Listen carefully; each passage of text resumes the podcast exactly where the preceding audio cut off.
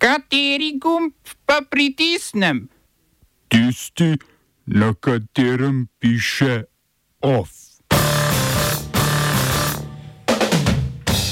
Spodnji dom francoskega parlamenta podprl upis pravice do splava v ustavo. Francoski kmetje proti prostotrgovinskemu sporazumu Evropske unije z južnoameriškim blokom Mercosur. Tožilci za više plače v triurno prekinitev dela. Ministrica Švarc-Pipan tudi po sestanku z Golobom ne namerava odstopiti.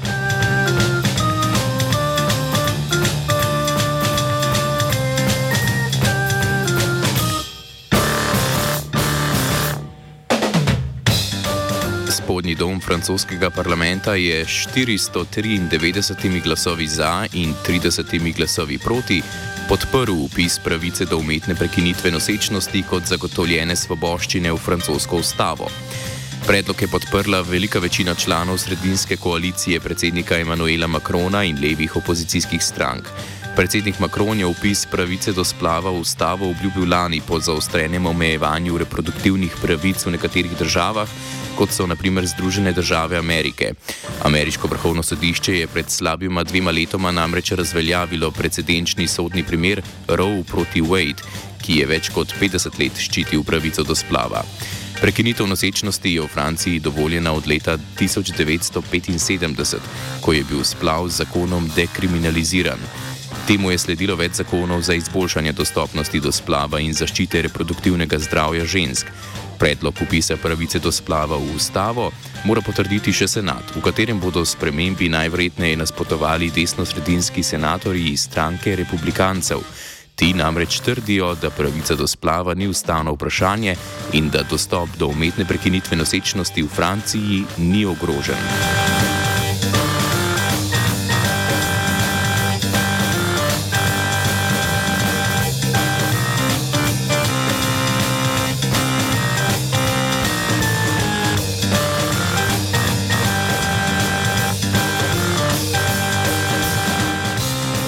Ostajamo v Franciji. Predsednik Macron je v luči kmečkih protestov v državi Evropsko unijo pozval k regulaciji uvoza kmetijskih proizvodov iz Ukrajine in omilitvi pravil kmetovanja. Francoski finančni minister Bruno Le Maire je ob tem dejal, da bo Francija preprečila trgovinski dogovor med Unijo in južnoameriškim blokom Mercosur. Do dogovora pa je bil kritičen tudi Macron. Dejal je, da ne želi podpisa sporazuma v trenutni obliki, saj ta ne predvideva upoštevanje enakih pravil za uvožene izdelke, kakršna veljajo za evropske. Sporazum je bil dogovorjen že leta 2019, na to pa je Evropska unija ponovno odprla pogajanja zaradi vprašanj o varovanju okolja.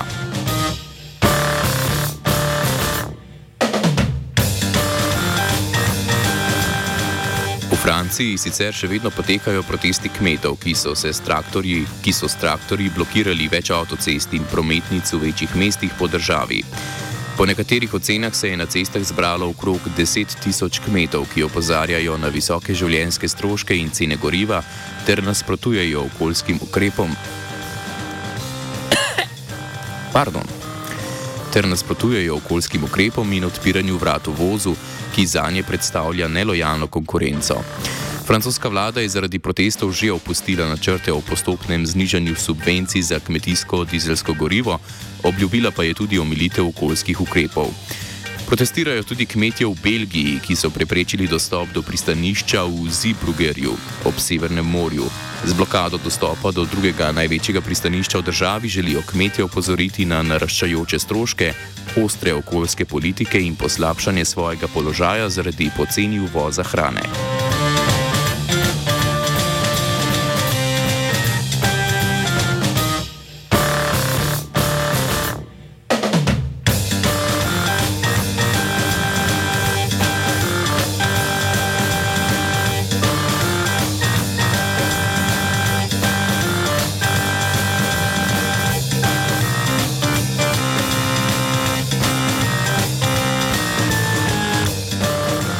Spodnji dom španskega parlamenta je s 179 glasovi proti in 171 glasovi za zavrnil zakon o amnestiji kataloncev, ki so sodelovali pri izvedbi referenduma o neodvisnosti Katalonije leta 2017. Proti zakonu so glasovali poslanci stranke Junts, bolj desne od dveh katalonskih strank v španskem parlamentu. Katalonski stranki sta deklarativno socialističnemu Pedru Sančezu zagotovili parlamentarno večino ravno v zameno za pomilostitev obsojenih zaradi izvedbe referenduma. V Žuncu, ki ga iz Belgije vodi nekdani katalonski predsednik Carles Puigdemont, so zdaj zahtevali razširitev predlaganega zakona o amnestiji. Poslanci Žunca so želeli, da zakon o amnestiji ne bi izključeval nobene skupine oseb, ki so sodelovali pri izvedbi referenduma. Predlog zakona brez predlaganih dopolnitev ne dovoljuje pomilostitve oseb obtoženih terorizma. Zakon bi sicer omogočil amnestijo približno 400 ljudi, obsojenih upletenosti v prizadevanja za katalonsko neodvisnost od leta 2012 dalje. O predlogu zakona bo ponovno razpravljal parlamentarni odbor, čemu bo sledilo glasovanje v spodnjem domu parlamenta.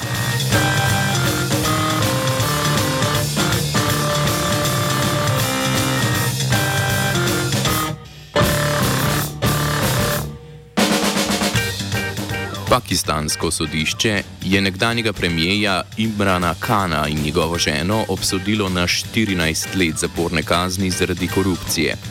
Postopek je sprožil nacionalni protikorupcijski organ, ki je Kana in njegovo soprogo obtožil o koristenja z državniškimi darili, ki jih je par prijel v času Kanovega vodenja vlade. Poleg 14-letne zaporne kazni je sodišče zakoncema naložilo tudi globo v višini slabih 5 milijonov evrov. Obsodba sledi včerajšnji obsodbi posebnega sodišča, ki je Kana spoznalo za krivega razkritja državnih skrivnosti, za kar mu je izreklo 10 let zaporne kazni.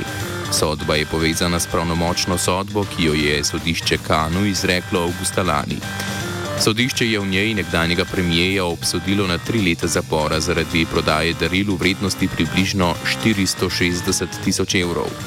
Pakistanski državni uradniki morajo prijaviti vsa prejeta darila, a Khan ni prijavil nekaterih daril in dobička ustvarjenega z njihovo prodajo. V Pakistanu sicer prihodnji teden potekajo splošne volitve, na katerih, na katerih je Kanu prepovedano kandidirati.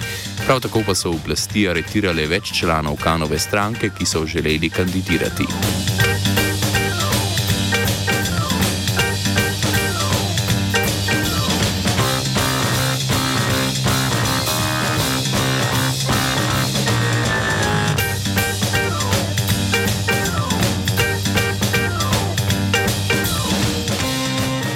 Tajsko državno sodišče je razsodilo, da je predlog spremembe kraljevega zakona o obrekovanju, ki ga je predstavila opozicijska stranka Premik naprej, nezakonit. Sodišče je stranki naložilo, da ne mudoma preneha z reformo, saj z njo krši tajsko ustavo. Gre za zakon o škodovanju veličanstva, ki, ga, ki ščiti kralja Mahaja Vajira Longkorna, ki v praksi prepoveduje vsako kritiko monarhije oziroma monarha. V primeru žalitve člana kraljeve družine kazenski zakonik predvideva do 15 let zaporne kazni. Stranka Premik naprej, ki je na lanskih splošnih volitvah prejela največje število glasov, a ni uspela sestaviti vladne koalicije, je obljubila ravno reformo tega zakona in s tem zmanjšanje moči kralja.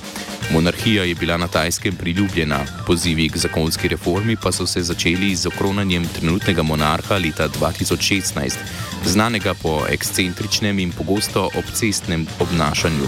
Obscenem, obscenem obnašanju. Se opravičujem. Ponovne kritike strogega zakona so se pojavile po obsodbi 30-letnika, ki mu je sodišče zaradi monarhije kritičnih zapisov na družbenem omrežju Facebook izreklo 50 let zaporne kazni. Smo se osamosvojili, nismo se pa osvobodili. Naslednje število še 500 projektov. Izpiljene modele, kako so se strani nekdanje LDS rotirali. Ko to dvoje zmešamo v pravilno zmes, dobimo zgodbo o uspehu. Takemu političnemu razvoju se reče udar. Jaz to vem, da je nezakonito, ampak kaj nam pa ostane? Brutalni obračun s politično korupcijo. To je Slovenija, tukaj je naša zemlja, to je Slovenija, Slovenija, Slovenija. Ministrica za pravosodje Dominika Švarc-Pipan je sporočila, da ne bo odstopila z ministerske funkcije.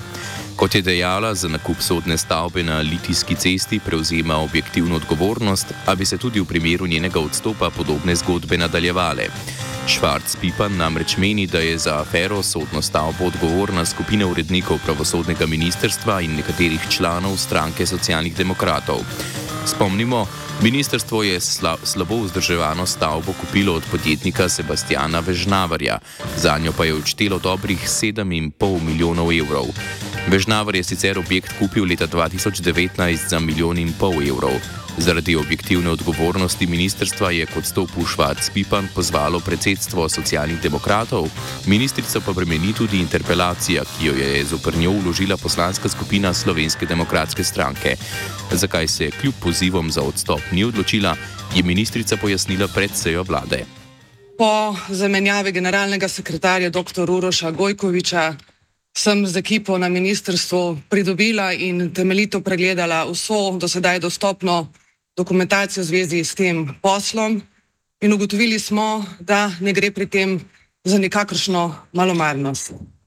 Nasprotno, vse bolj se kaže, da gre za načrtno protipravno delovanje organizirane skupine ljudi, zavestno zavajanje in prirejanje dokumentacije z namenom pridobitve protipravne koristi. Ne gre samo za posamezne uradnike ministrstva, tudi člane stranke SDS, ampak žal tudi člane stranke socialnih demokratov.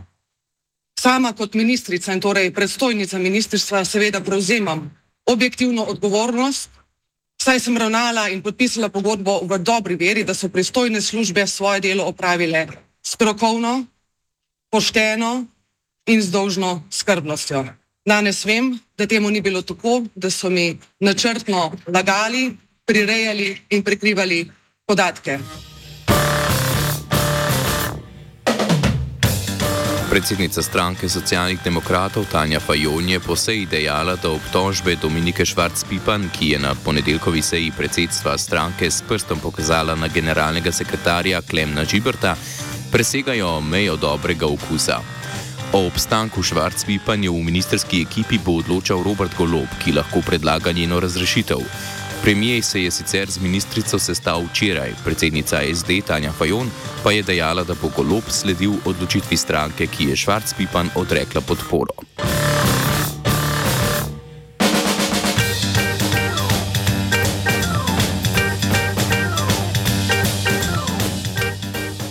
Toživci začenjajo protestne prekinitve dela, s čimer vlado pozivajo k uresničevanju odločbe ustavnega sodišča o sodniških plačah.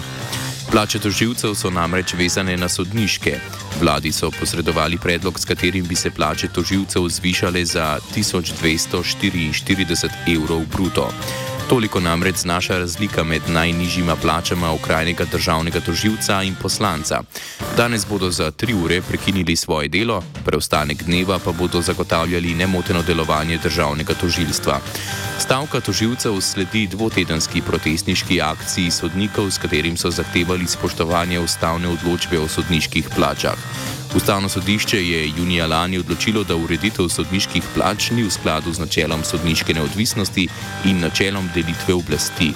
Sodniške plače namreč niso primerljive s plačami predstavnikov izvršne in zakonodajne veje oblasti. Glavni odbor slovenskega sodniškega društva je ob tem odločil, da bodo sodniki nadaljevali s protestnimi zbori na sodiščih, a ne bodo omejevali svojega dela.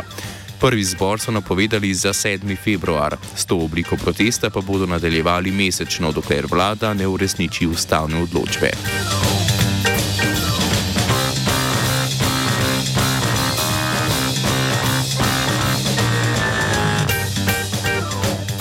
Vlada je sprejela novelo zakona o spodbujanju digitalne vključenosti, ki bo omogočila vzpostavitev računalniškega sklada, predvsem pa razdeljevanje 13 tisoč prenosnih računalnikov, za katere je Ministrstvo za digitalno preobrazbo lani odštelo 6,5 milijona evrov. Računalniki so od lanskega novembra na razdeljevanje čakali v skladišču, saj pravila za razdelitev prenosnikov med milijoni in pol upravičencev niso bila natančno določena. Na ministrstvu pod vodstvom Emilije Stojmenove Duh so sprva trdili, da bo za ureditev pravil potrebno sprejetje uredbe, a je bilo pravila mogoče doreči le z manjšo spremembo zakona o spodbujanju digitalne vključenosti.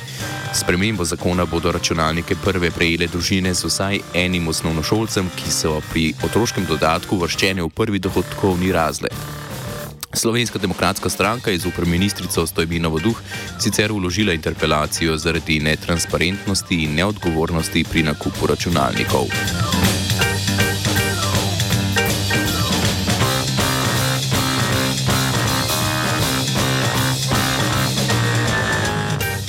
Državni zbor je soglasno sprejel novelo zakona o volitvah v državni zbor, ki odpravlja omejitev aktivne in pasivne pravice osebam, ki so zaradi intelektualnih in psihosocialnih ovir postavljene pod skrbništvo.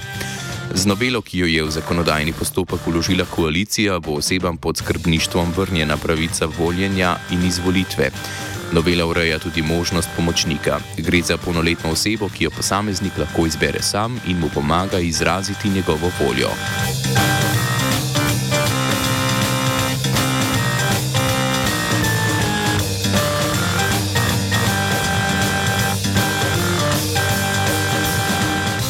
OF je pripravila in izpisala Tija.